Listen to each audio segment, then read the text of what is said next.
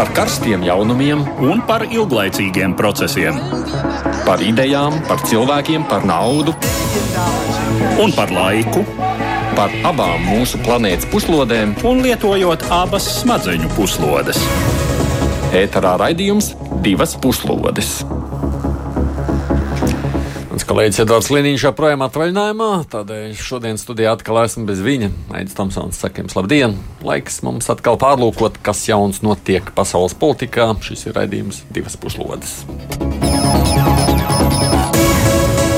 Drona uzbrukums Saudārābijas naftas pārstrādes rūpnīcai satricinājis ne tikai naftas cenas. Kurš tad stāv aiz uzbrukumiem, kādas tam būs sekas? Šim tematam jau vairākas dienas ir pievērsta vislielo pasaules mediju uzmanība.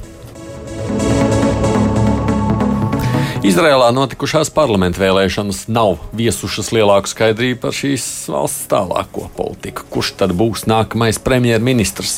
Divas lielākās partijas ir guvušas praktiski vienādu vēlētāju atbalstu.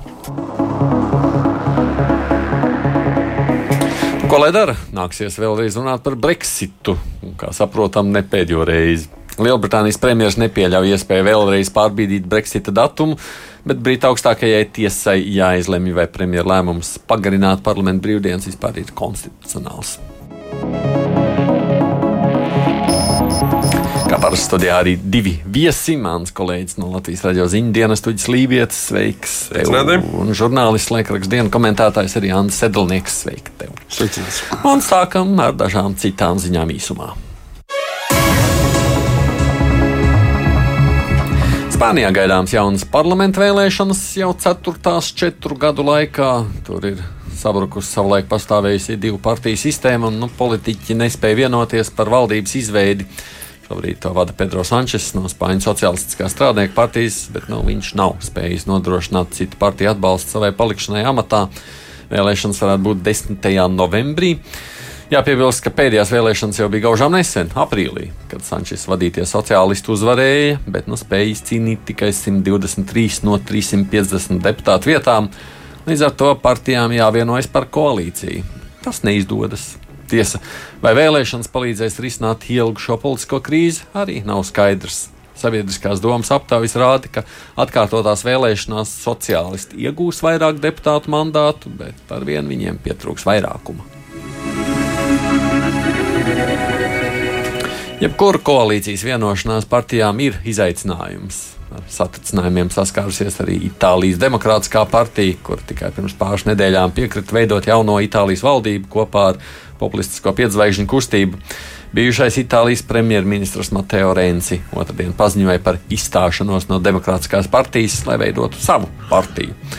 Lai arī pats Renns nekļuva par ministru, viņa izstāšanās no partijas var potenciāli arī destabilizēt jauno koalīciju Itālijas mediju vēst, ka aptuveni 30 deputāti varētu pievienoties Rencijai, kurš izteicies, ka tomēr turpināšot atbalstīt premjerministra Giuseppes Kontes valdību. Rennes partijā tika vērtēts pretrunīgi, kaut arī tik slavēts kā reformators, kad 2014. gadā 39 gadu vecumā kļuva par jaunāko premjerministru Itālijas vēsturē. Ziņās regulāri tiek stāstīts par cietumsodiem protesta dalībniekiem Maskavā, kuri vasarā protestēja pret aizliegumu vietējās vēlēšanās kandidēt neatkarīgajiem kandidātiem. Tomēr šīs nedēļas tiesas spriedums ir aizsījis lielākas emocijas nekā iepriekš. Maskavas tiesa pirmdien piesprieda 23 gadus vecajam aktierim Pāvēlam Ustinovam 3,5 gadus cietumā. Aktieris esot pārkāpis sabiedrisko kārtību un aizturēšanas laikā izrādījis pretestību, rezultātā kādam policistam sastiepts plecs. Tomēr vairākos video ir redzams, ka aktieris nemaz īsti protestos nepiedalās. Iet pa ielu, kad viņa policija nogāž no kājām, un pirms krišanas viņš cenšas vēl rokās nosargāt telefonu. Šis spriedums izraisījis sašutumu ne tikai kolēģos. Atklāts vēstules parakstījuši garīdznieki, skolotāji. Savukārt aktieri pulcējušies ir protesta akcijā pie prezidenta administrācijas ēkas. Šķiet, vara nojauš, ka ir pārcentusies, jo Pati prokuratūra nu ir lūgusi pagaidām pirms apelācijas aktieri atbrīvot pret galvojumu. Izrādās, ar vāju aizsardzības sistēmu internetā ir iespējams zem sitiena palikt visu valsti. Nedēļas sākumā kļuva zināms, ka nopludināti gandrīz visu Ekvadoras iedzīvotāju personas dati, apmēram 17 miljoniem cilvēku. Tā skaitā septiņiem gandrīz miljoniem nepilngadīgo un bērnu.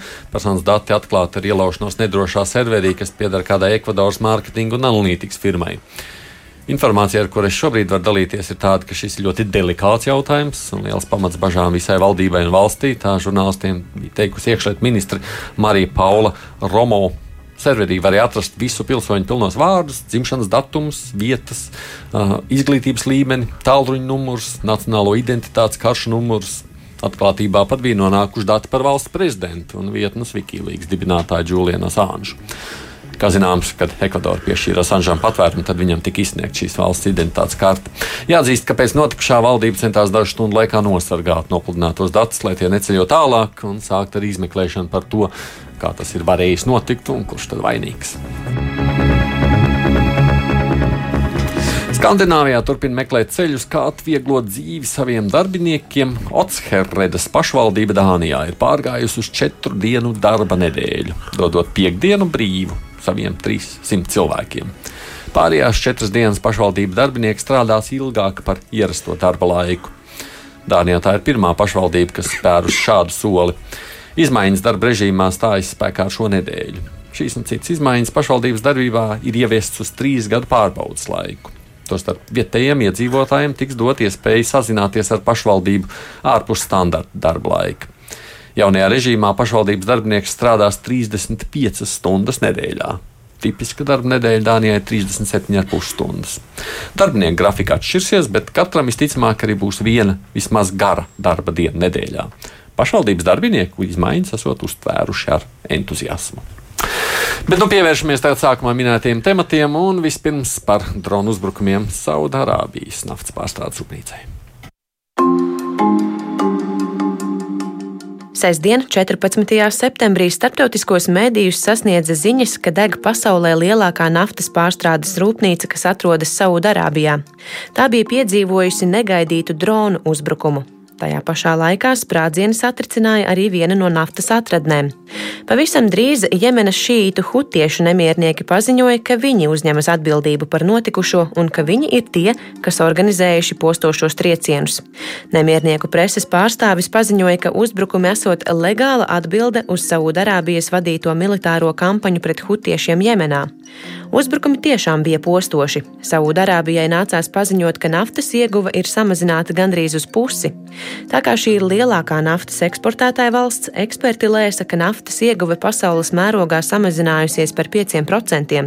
Tas, protams, izraisīja atbilstošu tirgus reakciju. Naftas cena pieauga par 20%, un tikai vēlāk, kad ASV prezidents solīja vajadzības gadījumā atvērt pat valsts rezerves krājumus, cena stabilizējās. Tajā pašā laikā ASV jau sākotnēji vainu par notikušo uzvēla Irānai. Kā zināms, Jemenā pilsoņu karā aktīvi iesaistījušās gan Saudārābija, gan Irāna. Tomēr Savienotās valstis apšaubīja, ka Jemenas nemiernieki spētu noorganizēt tik labi koordinētu dronu uzbrukumu. Šodienu laikā aizdomu mākoņi pār Irānu ir savilkušies vēl ciešāk. Saudārābija paziņojusi, ka atrastās dronu atliekas norāda, ka tie nāk no Irānas. Arī lidojumu trajektorija arī liecina, ka droni pacēlušies nevis no Jemenas, bet gan Irānas teritorijas. Tiesa, Irāna šos pārmetumus kategoriski noraidījusi, bet gan Saudārābija, gan ASV apgalvo, ka tas ir tikai laika jautājums, kad tiks pierādīts, no kurienes droni ir izlidojuši, un ka patiesībā aiz uzbrukumiem stāv Irāna. ASV valsts sekretārs Maiks Pompeo, kurš trešdien devās uz Saudārābiju, paziņoja, ka notikušais ir kara darbība, un Irānai par to būs jāatbild. Savienoto valstu prezidents Donalds Trumps Twitterī jau paziņojis, ka devis rīkojumu finanšu ministrijai būtiski pastiprināt sankcijas pret Irānu. Lai arī par atklātu kara darbību šobrīd netiek runāts, ir skaidrs, ka spriedze reģionā tikai turpina pieaugt. Tikmēr Jemenas šītu hutiešu nemiernieki, kuri uzstāja, ka tieši viņi sarīkojuši dronu uzbrukumus, trešdien paziņoja, ka nākamie uzbrukumi būšot apvienotiem Arābu Emirātiem. Nemiernieki esot identificējuši vairākus objektus kā iespējamos mērķus. Arī apvienotie Arābu Emirāti piedalās Saudārābijas vadītajā kampaņā pret hutiešiem Jemenā. Nemiernieku pārstāvis Sarija trešdien paziņoja, ka viņam esot jauni droni, kas darbojas ar parastajiem un reaktīviem dzinējiem, un tie varot sasniegt mērķus dziļi gan Saudarābijā, gan apvienotajos Arābu Emirātos. Atgādini kopā mums ir Lībijas un Anna Sedlnieks. Kas tad aiz visiem šiem notikumiem gal galā stāv uģi? Jemenas nemiernieki vai Irāna? Nav man nekā, ne saprašanas, jāsaka, kas es tā, stāvu, bet man katrā ziņā. Uh, Man vienmēr uzmanīgi dara situācijas, kad uh, pret vienu valsti uh, kaut kādā ilgstošā laika posmā nu, tiek tādas vis, visādas apsūdzības izvirzītas. Nu, Šajā gadījumā nežēlastība ir, nežēlastībā ir kritusi Irāna.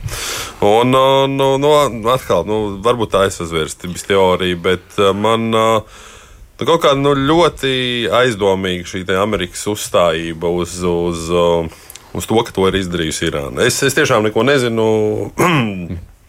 Tur ir vi- vi- izlūkošanas datu. Nē, nu jā, nē, esmu iepazinies vēl šodien. Bet uh, katrā gadījumā, domāju, tur tiešām ir vajadzīga ļoti nopietna. Ļoti nopietna izpēta un izmeklēšana. Uh, bet uh, tas, ka tā ir lielākas ģeopolitiskas uh, spēles, droši vien arī ekonomiskas spēles, viena no sastāvdaļām, nu, par to man liekas, šaubu nav nevienam. Mm. Jo runa ir par, uh, par visu šo līča reģionu, runa ir par uh, ASV ietekmi tur, runa ir par uh, kodolu vienošanos Irānas, par Irānas ambīcijām kā tādām vispār. Tā kā, um, nu jā, man liekas, tur tiešām tā ir daļa no lielas spēles, kur mēs droši vien daudz nemaz iedomāties nevaram, cik, cik viņa liela ir. Andi, tev ir noteikti izlūkošanas dati. Man katru vienkārši apsirds tas cilvēks, kurš man nes katru rītu. Nu, patiesībā ir tā, ka, teiksim, Irāna turklāt, protams, ir stāvējusi, jo viņa šos te hutiešus, es nezinu, kāpēc viņus īsti sauc par hutiešiem, pareizāk būtu husīti, bet viena husīti mums jau ir, jā, jo viņi ir nosaukušies par godu savam vēl husī, savam mm. vienam no politiskajiem Nu, līderiem. labi, tā mēs pārmaiņas pēc tam. mums, būsim hutieši, šīti džabrailīti. Ja. Eh, Tā teikt, eh, viņi vienmēr viņus ilgstoši ir atbalstījuši. Bet šeit ir jāsaprot arī viena lieta. Kopš 2015. gada Saudārābija pilnīgi oficiāli ir izvērsusi pret viņiem būtībā totālu karu. Ja. Pret kuriem? Pret, Pret, pret, pret ģimenes šītiem. Ģimenes šītiem, jā. Un, Ir viena tāda vēsturiska nianses, kas pie mums ir maz zināma. Tieši šie ģimenes šīti gadsimtu garumā ir, zinājuši, ir bijuši zināmi kā ārkārtīgi karavīgi un nesamierināmi būtībā cilšu apvienība, kuru neviens, ieskaitot Britu impēriju, tā arī nekad nav pakļāvusi. Būtībā tas ir apmēram tas pats variants, kas Afganistāna, Pakistānas ciltis, ja, kuri tā teikt neko negrib dzirdēt par nekādiem svešiniekiem. Un šī iemesla dēļ ja, viņus tā teikt nekādas bombardēšanas un artērijas apšaudes nepārliecina. Gluži pretēji. Ja. Nu, un, protams, Izraela viņus atbalsta sakarā ar to, ka es atvainojos Irānu. Irāna. Uh, Viņas atbalsta sakarā ar to, ka ticības brāļi un vēl un vēl. Un tas viss kopā šo faktu veido. un Tas arī nav pirmais gadījums, kad viņi kaut kam cenšas uzbrukt ja, ar Irānā ar Ķīnā ražotiem kaut kādiem droniem, lētām, vienkāršām raķetēm. Ja. Bet tu tomēr domā, ka tie ir viņi. Es drīzāk liecos domāt, bet, kā jau minēju, man šos izlūkošanas datus vēl nav atnesuši. Ja. Es drīzāk liecos domāt, ja, ka tieši šie izpildītāji tomēr ir viņi, ja, bet, nu, protams, ar Irānas plašu palīdzību un svētību.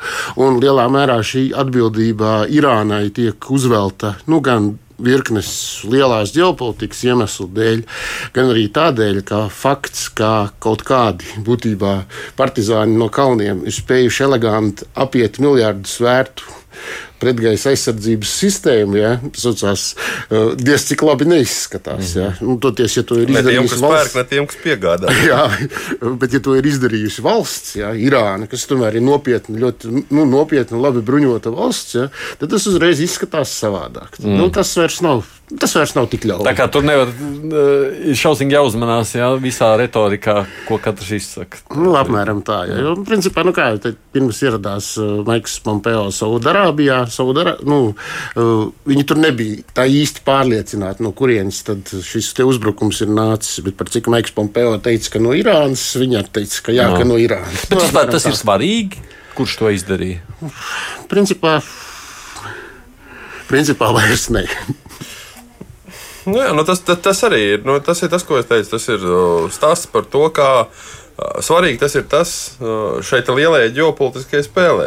Ja, tu, ja tas vainīgais tiešām ir nu, nevis maziņš grupējumiņš, kaut gan nu, maziņš grupējums, kurš ir uh, centrā ļoti lielam jau starptautiskam militāram konfliktam. Ja?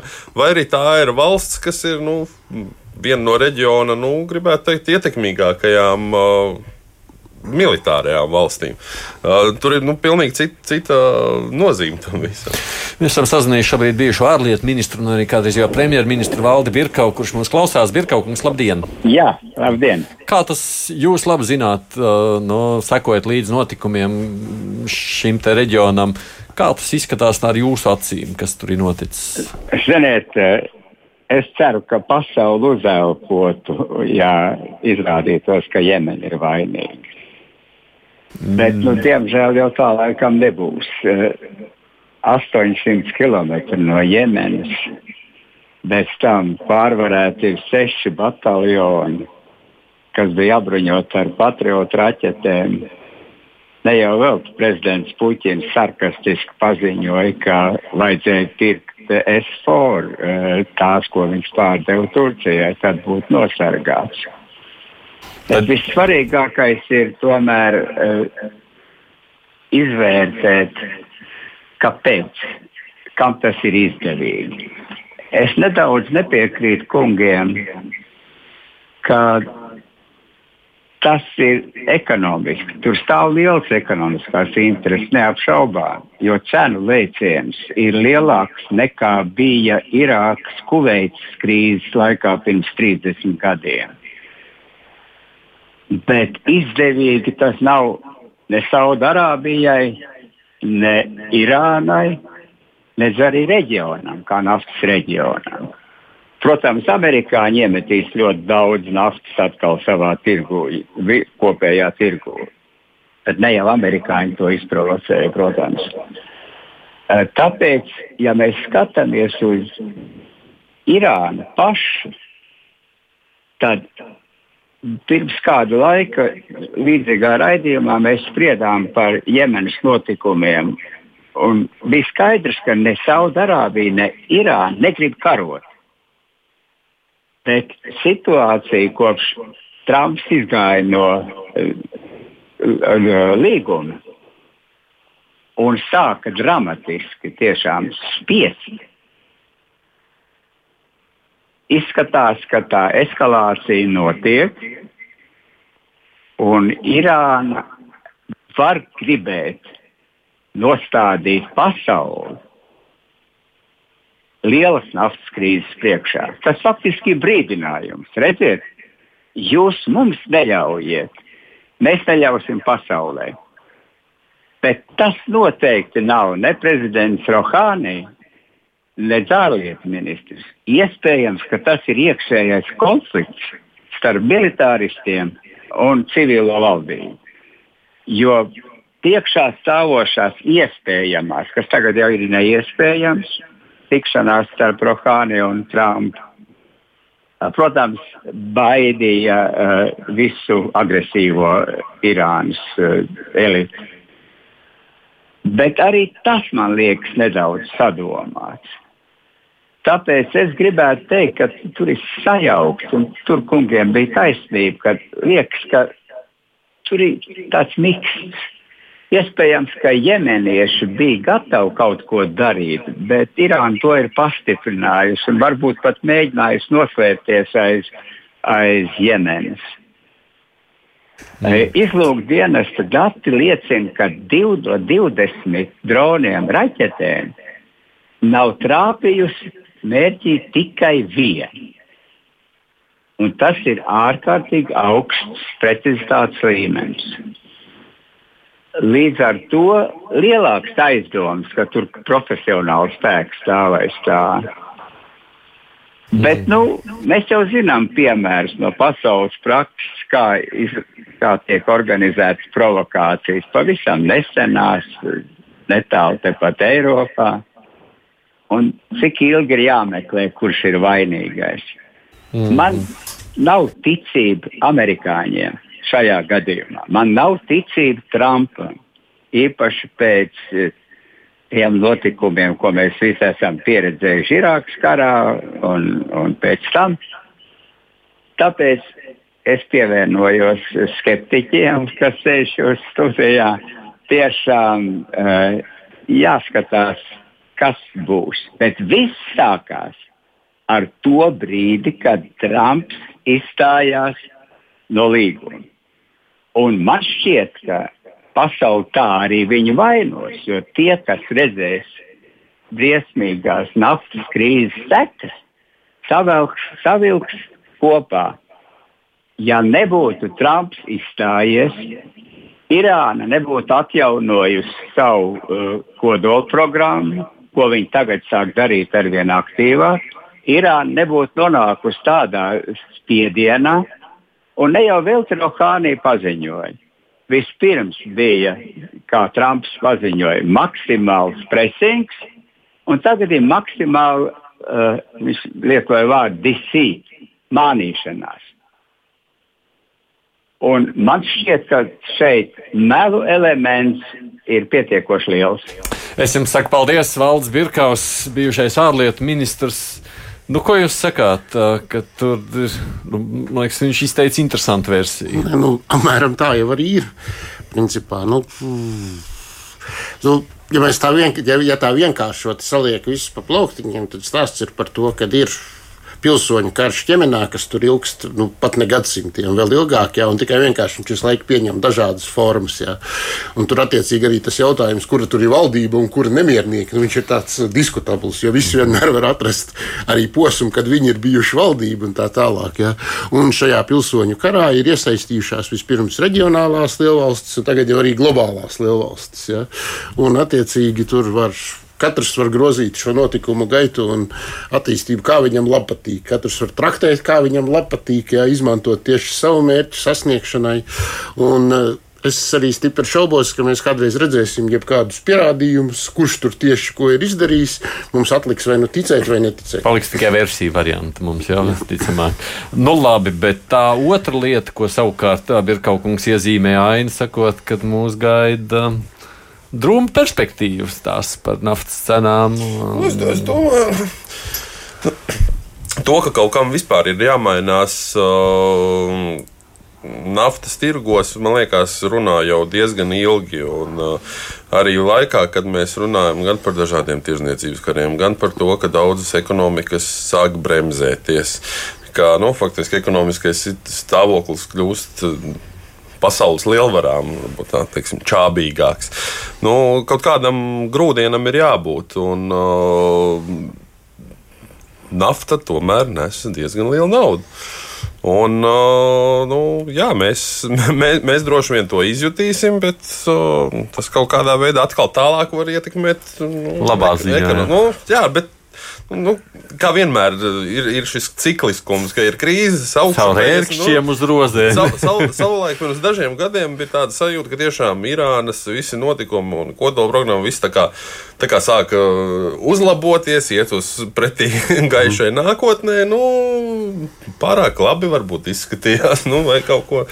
Jā, Bet tā kā tam visam ir nu, apakšā. Drusku piebildīšu, nu, jā, nu, teiksim, šis te konflikts, ja viņš tur tiešām izcelsies, un es īsti neticu tam, jo ASV ir gaidāms prezidenta vēlēšanas, bet nu, viņš prezidents Trumps ir solījis, ka viņš nekaros. Ja, viņš principā jau cenšas pieturēties. Viņš var uzšaut, bet viņš, viņš var uzšaut, bet karot var. Teiksim, tā, arābu sunītu valstis, kas patiesībā nav nekādas karotājas. Ja, kā, bet, no nu, jebkurā gadījumā naftas tirgu tas uh, var ietekmēt ļoti būtīgi, bet ir jāskatās arī, nu, teiksim, ir ieguvēji. Teiksim, Eiropa viennozīmīgi nav ieguvēji no šādas situācijas. Nu, Ķīna nav ieguvēja, ja toties ASV un Krievija, nu, kas attiecas uz tādām lielvarām, nu, viņām tā ir apsolītā zeme gandrīz vai naftas cenas debesīs. Ja.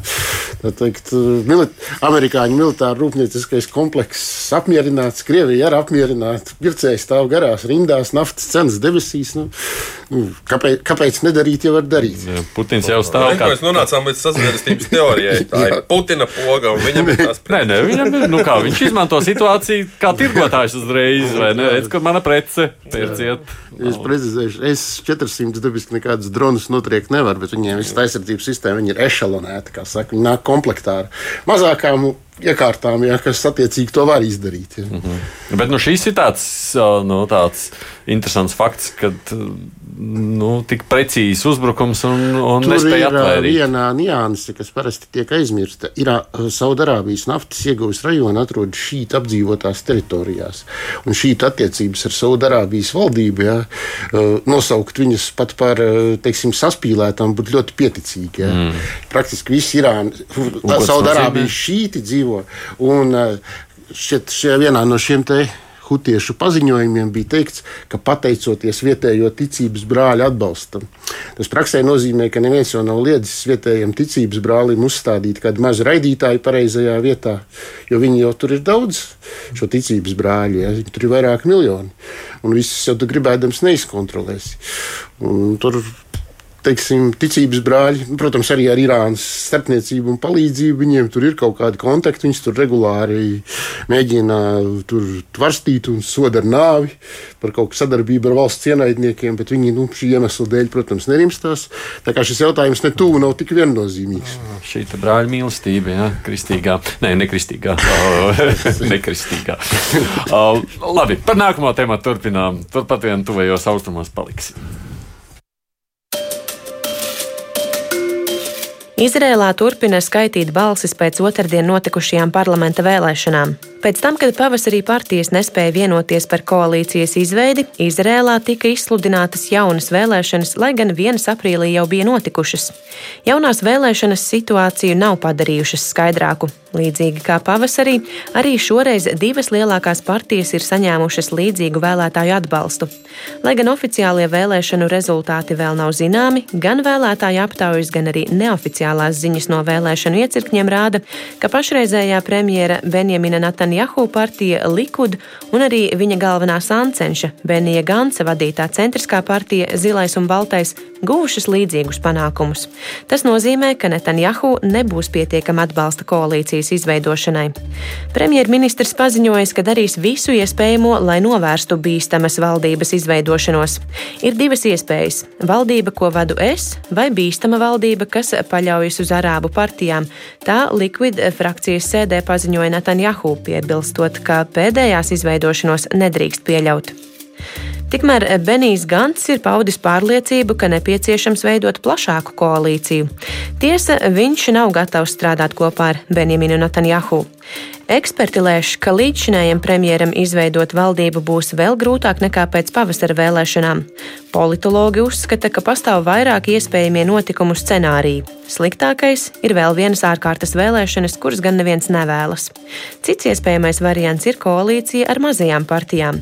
Šeit izšķiroša loma ir bijušā aizsardzības ministra Avigdora Lībermana vadītajai partijai, kura varētu būt ieguvusi deviņas vietas parlamentā. Viņa partija neietilpst nevienā blokā un nav skaidrs, kuru kandidātu viņš atbalstītu premjera amatā. Taču šis variants ir cieši saistīts ar ideju par plašu koalīciju, kuru veidot arī abas lielās partijas - Likud kopā ar Zilo un Balto. Tomēr šim risinājumam ir gandrīz neizkustināms šķērslis. Opozīcija ir gatava sadarboties ar Likud tikai tad, ja valdībā nepiedalās līdzšinējais premjerministrs Netanjahu. Maz ticams, ka partija būtu spējīga šādam kompromisam. Jāpiebilst, ka trešo vietu vēlēšanās ieguvis apvienotais Arābu partiju saraksts. Arābu partijas nekad nav bijušas valdībā, taču agrāk izvēlējušās atbalstīt mazākuma valdības. Opozīcijas līderis Gants paziņoja, ka viņa partija nekavējoties vēlas uzsākt kontaktus ar citām partijām par plašas nacionālās vienotības valdības izveidi. Centristu līderis norādīja, ka vēlas runāt ar bijušo aizsardzības ministru Avigdoru Lībermanu un citiem iespējamiem koalīcijas partneriem. Netanjahu atbalstītājiem savukārt sacīja, ka tuvāko dienu laikā vēlas risināt sarunas par spēcīgas, stabilas un cionistiskas valdības izveidi. Kā norādīja premjers, viņš negrib pieļaut, ka tiek izveidota bīstama anticionistiska valdība. Divas puslodes. Atgādījums šeit studijā Latvijas raidījuma žurnālists Uģis Lībijams un laikraksta dienas komentētājs Andris Edlnieks. Uģi, ko saka par šo politisko situāciju Izrēlā? Nu, skaita balsis tagad, pašlaik priekšā man ir jaunākie vēlēšana komisijas dati. Izskatās, ka starp zilām, baltā savienību un likudu ir nu, vairs nepilni 0,7%. Nu, protams, uh, Viens jautājums ir, kā, kas veidos valdību un uh, kāda būs nākamā koalīcija un vai viņa būs. Bet uh, noteikti domāju, daudziem komentētājiem ir uh, interesantāk. Ja, interesantāks ir jautājums, vai Netanjahu paliks pie varas vai nepaliks. Uh, nu, tā, ja viņš būs vienkārši kaut kur valdībai tuvu, tad tas nebūs, tā nebūs viņa vara.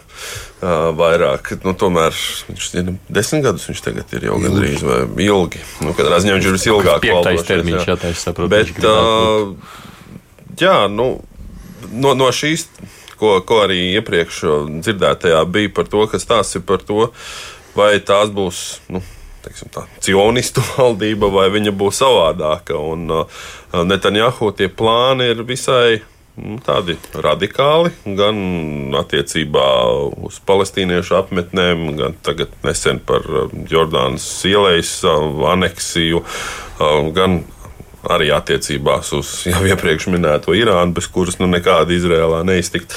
Uh, un, ja, vai otrs ir pretī šī te, uh, Benīga Gansa vadītā valdība, kas varbūt nebūtu tik labēji radikāla.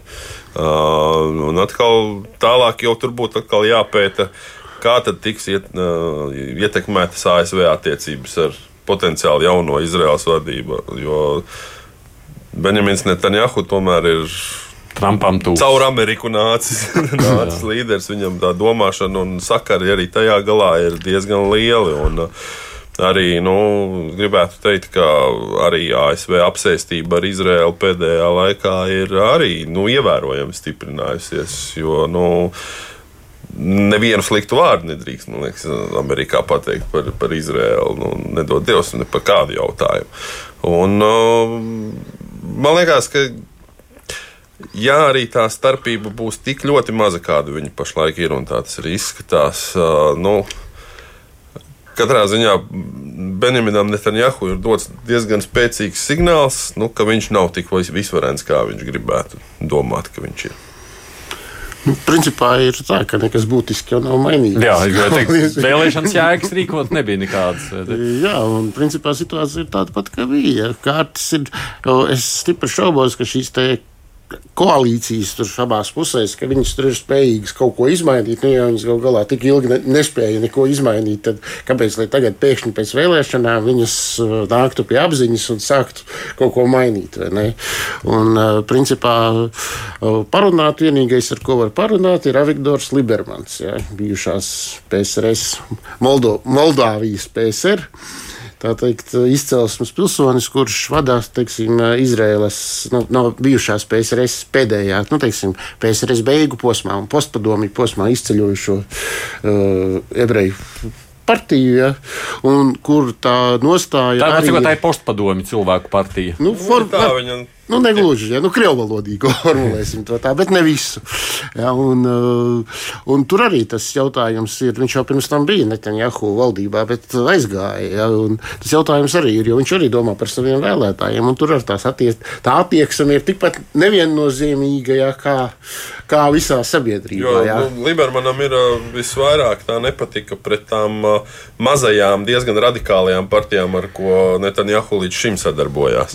Mm. Un, un, un viņš pie piekristu arī par ko tiek daudz runāts par šo lielo vienotības valdību starp abām lielajām partijām un varbūt droši vien Libermanu, ar noteikumu, ka tie mazie radikāļi labējie visi tiek pastumti tālāk un, un varbūt mierīgāk dzīvošana. Principā viņam tā nostāja viņa ir tāda samērā konservatīva, bet viņi nav radikāli. Ja? Mm. Nu, viņiem vairāk centriski.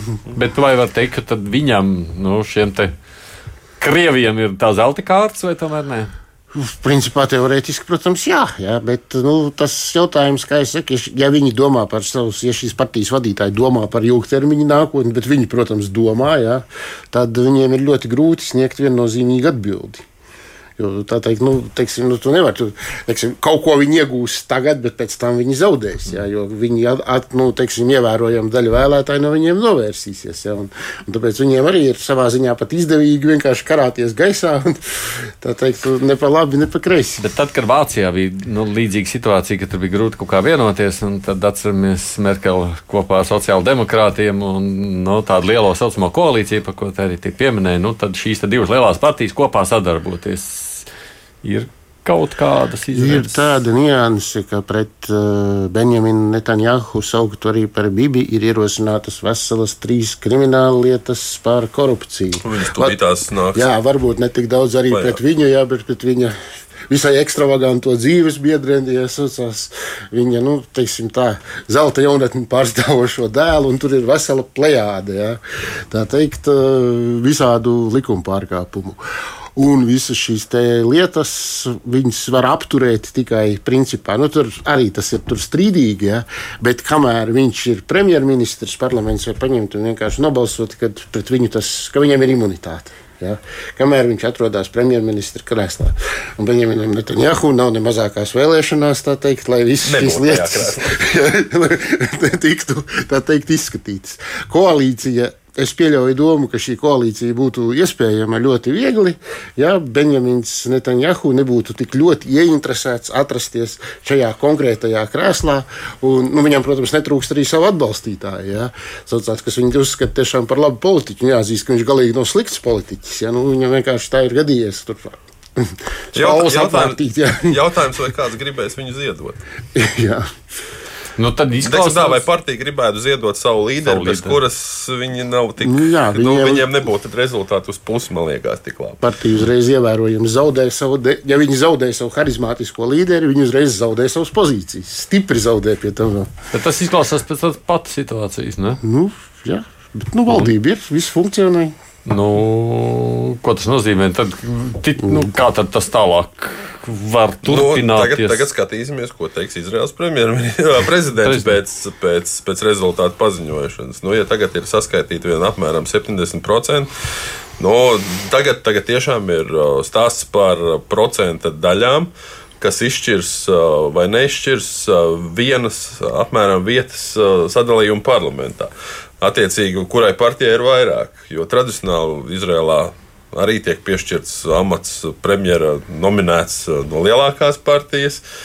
Uh, Tagad ir izvēle. Nu, Netanjahu jau vienreiz neizdevās šogad. Vai viņam pat šādā gadījumā tiks dota otra iespēja, ņemot vērā arī šos korupcijas skandālus, kas turpat tūmā ir. Uh, Nu, tur ir liela izšķiršanās. Un, bet nu, nenoliedzami, ka Benjamins Netanjahu ir skaļš, atpazīstams, nevienmēr viennozīmīgi vērtēts visur pasaulē. Bet nu, jā, viņš, ir, viņš ir diezgan, nu, kā lai saka, harizmātiski to izrēliešu valsts ideju diezgan nu, pēdējā laikā aktualizējis. Atkal, varbūt tas tieši priekšvēlēšanu nu, tāds kā propagandas gājiens. Mm. Bet... Viņš, nu jā, tas ir arī cilvēks, kurš nebaidās no interesantiem soļiem. Un, piemēram, kad viņam bija priekšvēlē, nu, priekšvēlēšana kampaņa, viņš apmeklēja vienu pēc otras gan Ukraiņu, gan Krieviju. Un visiem teica visu to labāko. Tā teikt, nu, tas tāds interesants fakts, mm. jā, kas apmēram par viņa elastīgumu liecina. Un kas pats jocīgākais, visiem tas pat patika. mm. Kas nozīmē, ka mēs neko pateikt, kā tas tālāk turpināsies, nespējam. Gaidām rezultātus no sākuma. Nu, rezultāts un tad tad vēl arī pēc tam tālākās cenas.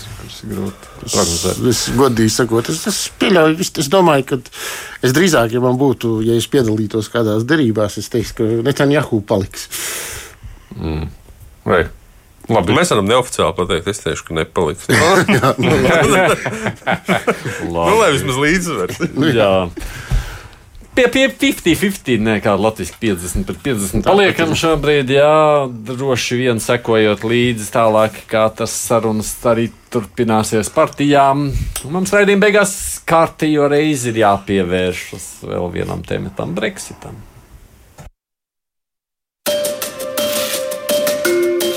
Pirmdien Britu premjerministrs Boris Džonsons paziņoja, ka nodrošinās Lielbritānijas izstāšanos no Eiropas Savienības līdz 31. oktobrim, ar vai bez vienošanās, par spīti tam, ka Britu parlaments pieņēmis likumu, kas pieprasa premjerministram lūgt Eiropas Savienību atlikt Brexitu, ja līdz 19. oktobrim vienošanās netiek panākta. Tikmēr Eiropas Savienības puse brīdina, ka bez vienošanās Brexits ir ļoti reāls.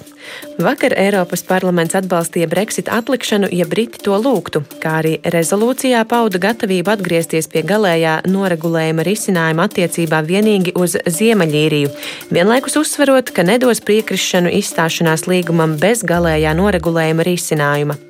Ziemeļīrija ir bijis klupšanas akmens sarunās, un Eiropas Savienības prezidējošās valsts Somijas premjers Antti Rinne vakar žurnālistiem sacīja, ka Džonsonam ir laiks līdz 30. septembrim, lai viņš nāktu ar rakstiskiem priekšlikumiem noregulējumam, ja vien viņam tādi ir.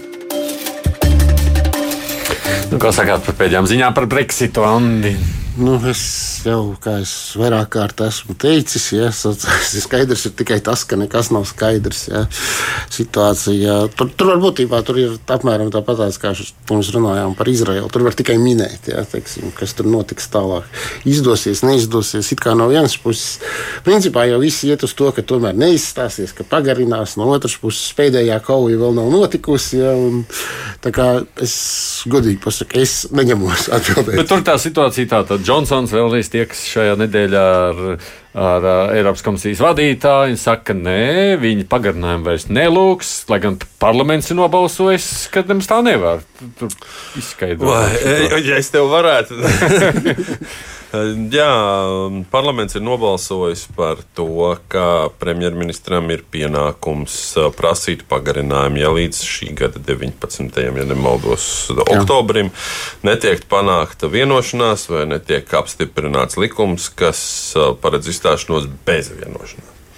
Kļūst kaut kas skaidrāks, nekļūst skaidrāk. Tātad 17. un 18. datumā ir Eiropas padomes uh, samits, uh, kas nozīmē, ka tajā, tā ir faktiski pēdējā reize, kad Eiropas Savienības līderi var teikt kaut kādu savu gala, gala lēmumu. Šī, šī ir kārtējā pēdējā reize. Kārtējā pēdējā reize. Nu, tas, ne, tur tīri, tīri pēc datumiem un Jā. pēc loģikas. Sanāk.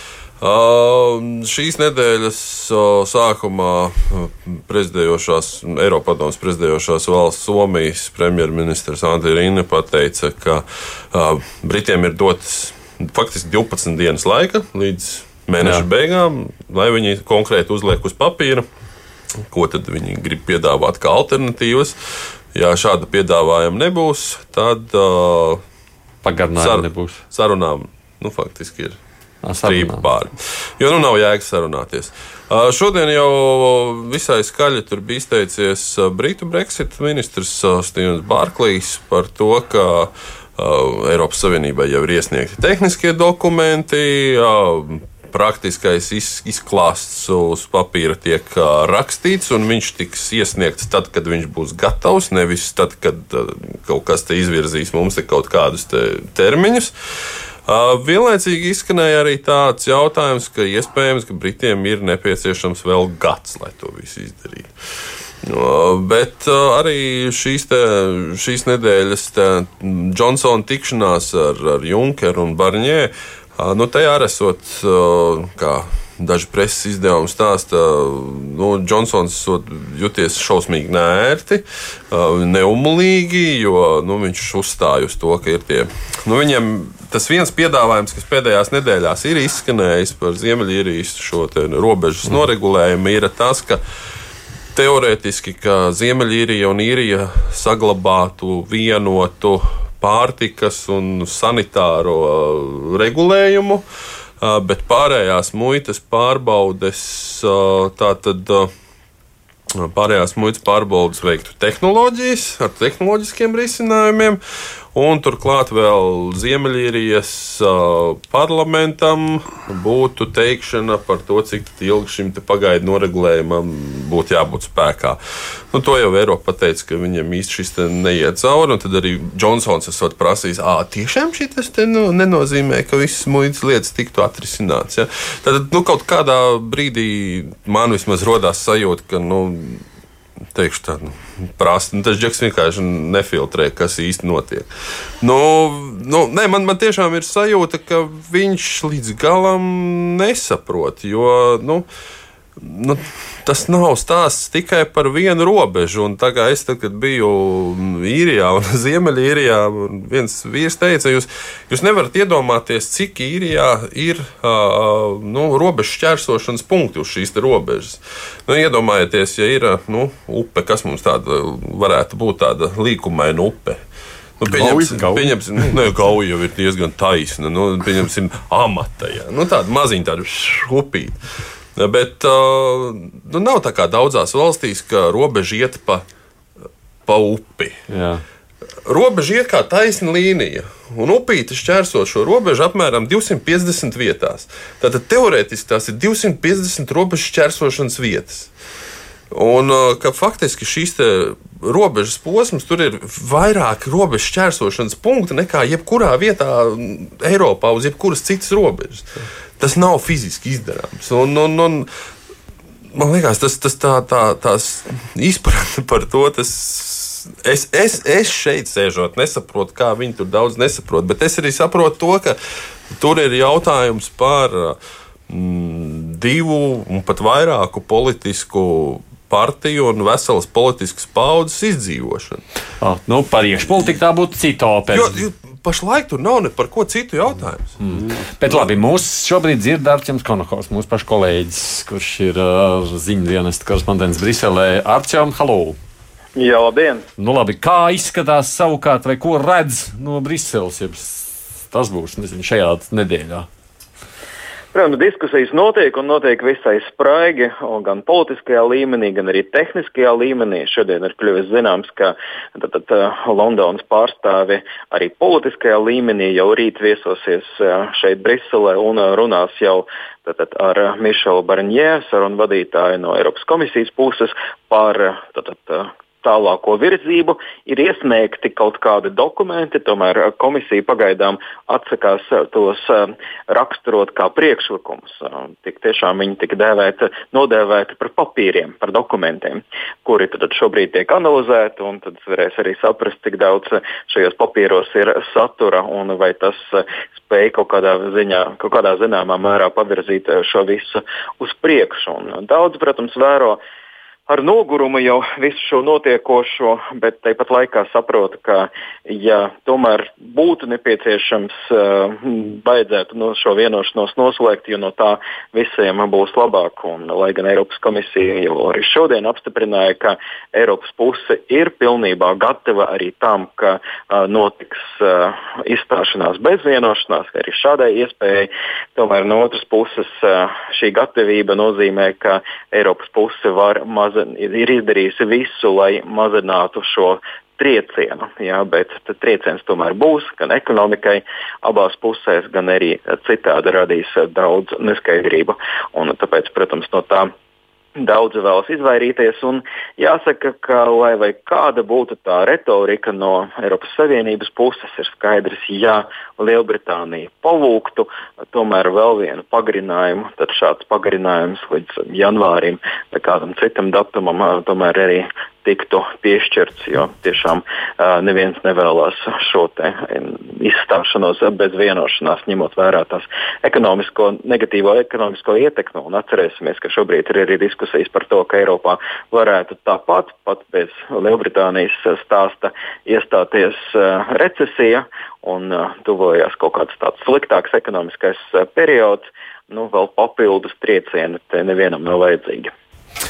Paldies, Arčuns Kanahaus, mūsu kolēģis Briselē. Bet, nu, uh, labi, no vienas puses Eiropa tur var kaut ko piekāpties. Tu saki, tā ir tāda iekšpolitiskā sadaļa tajā visā. Nu, Nu, tā tā ir. Es vienu, vienu niansi, kas par, par to pagarinājumu piešķiršanu. Tādas valsts kā, pieņemsim, Francija ir diezgan kategoriski izvirzījuši savas prasības, kādos gadījumos viņas ir gatavas piešķirt pagarinājumu. Proti, ir, ja nu ir vai nu jauns referendums, vai nu vēl vienas vēlēšanas. Uh, Eiropas parlaments ir tikmēr nobalsojis par to, ka viņi faktiski atbal, atbalsta šādu pagarinājumu piešķirt faktiski te jebkādos apstākļos. Jā. Bet nu, parlamentam šī gadījumā ir rekomendējošs raksturs, un, un tur ir Eiropas valsts līderi viedoklis tikai. Nu, kas attiecās uz uh, iekšpolitiku, tad viens no tiem soļiem, uz ko jau Vilka Džonsons bija ārkārtas vēlēšanas, jo tur bija vairākas aptaujas, kas liecināja, ka principā Brexit uh, uz vienalga kādā veidā piekritējiem ir labas izredzes gūt uzvaru. Un te ir jāņem vērā tā nianses, ja kad Lielbritānijā nav tā kā pie mums, kad, uh, teiksim, tas šis pats procents Lielbritānijas vēlēšanu iecirkņos vietu parlamentā dabū tas, kurš no visiem ir dabūjis visvairāk. Ja? Un iepriekšējās vēlēšanās tur bija aplēsis, ka viņi ir zaudējuši lielāku skaitu vietu, kas ir aizgājušas laboristiem, tāpēc, ka konservatīvajiem šīs vietas ir atņēmis Faračs ar savu UKIP. Ja? Un, principā, un tās, pro, tās provizoriskās aplēses ir tādas, ka viņiem ir iespējas, ja tas ja atbilstoši notiek vēlēšanas, ir iespējas labas izredzes uzvarēt, ja? un tad viņi viņi varētu konkrēti beidzot pateikt, ko viņi vēlas. Ja? Es domāju, ka šīs te ārkārtas, vai arī ja viņi zaudēja, tad dabiski Tiem otriem būs iespējas konkrēti. Bet tagad jau parlaments aizlaiž brīvdienās, viņi neko nevarēs. Nu, principā ārkārtas vēlēšanas. Viņus aizgāja. Ne, viņš neuzaicināja atpakaļ, tā būtu pavisam precīzi. Bet principā ir tā, ka tās ārkārtas vēlēšanas, vai ārkārtas, vai vienkārši parlamenta vēlēšanas varētu būt labākā izeja no situācijas, jo parlaments ir vēl no tiem laikiem. Tas gan taisnība, bet šobrīd tā Lielbritānijas augstākā tiesa, kas skat jautājumu, vai vispār premjeras drīkstēja pagarināt, tam ir kāda nozīme šīs parlamenta brīvdienas, es domāju. Nu, un kas tagad mainīsies? Būs uh, faktiski, nu, no vienas puses, ja pateiks, ka ir atpakaļ, būs uh, faktiski pačakarēta vismaz nedēļa, pusotra, ja ne vairāk. Uh, nu, Džonsonam nāksies atzīt savu, savu sakāvi.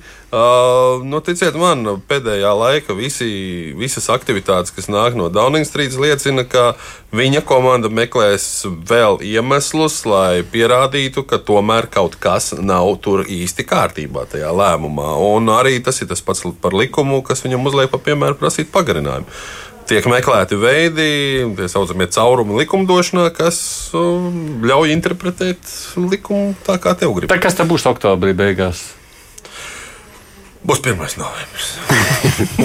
es teiktu, ka viss paliks pa vecam pagarināsies tālāk? Es domāju, ka drīzāk pagarināsies, jo, teiksim, tā, ja jums, kā jau tika minēts, tā ekonomiskā nenoteiktība vispārējā globālā mērogā ir tāda, ka, nu, teiksim, visi jau labprāt redzētu, lai viņi beidzot iet, ja saucās, bet, nu, naudas arī ir žēl, teiksim, kā ir. Mm. Es domāju, ka vēlēšanas viņu sarīkot oktobra vidū ir diezgan nereāli, manā uzskatā. Jā, kas nozīmē, ka gaidām, gaidām un turpinām runāt atkal nākamajā mēnesī un aiznākamajā mēnesī. Nu, tāpat par Irānu pa Izraelu. Tās ir lietas, kas nebeidzas. Nekad nebeidzās. Būtu negodīgi nebūtu domājis, ka Briti pievienosies lietām, kas nekad nebeidzas. Tā saka Antis Sedlnieks, mūsu kolēģis žurnālists, kurš komentē arī laikrakstā diena. Un arī mans kolēģis Suģis Lībijams no Latvijas raidījuma ziņu dienas. Tā paldies jums, ka atnācāt šeit studijā. Producenti Jauzeīza, studijā bija es, Aits Tomsons. Edvards Liniņš būs laikam atpakaļ, pēc tam atkal mums sadzirdēsimies nākamajā reizē. Lūkosim, kas jauns ir noticis pasaulē, par ko atkal runāt. Divas puslodes!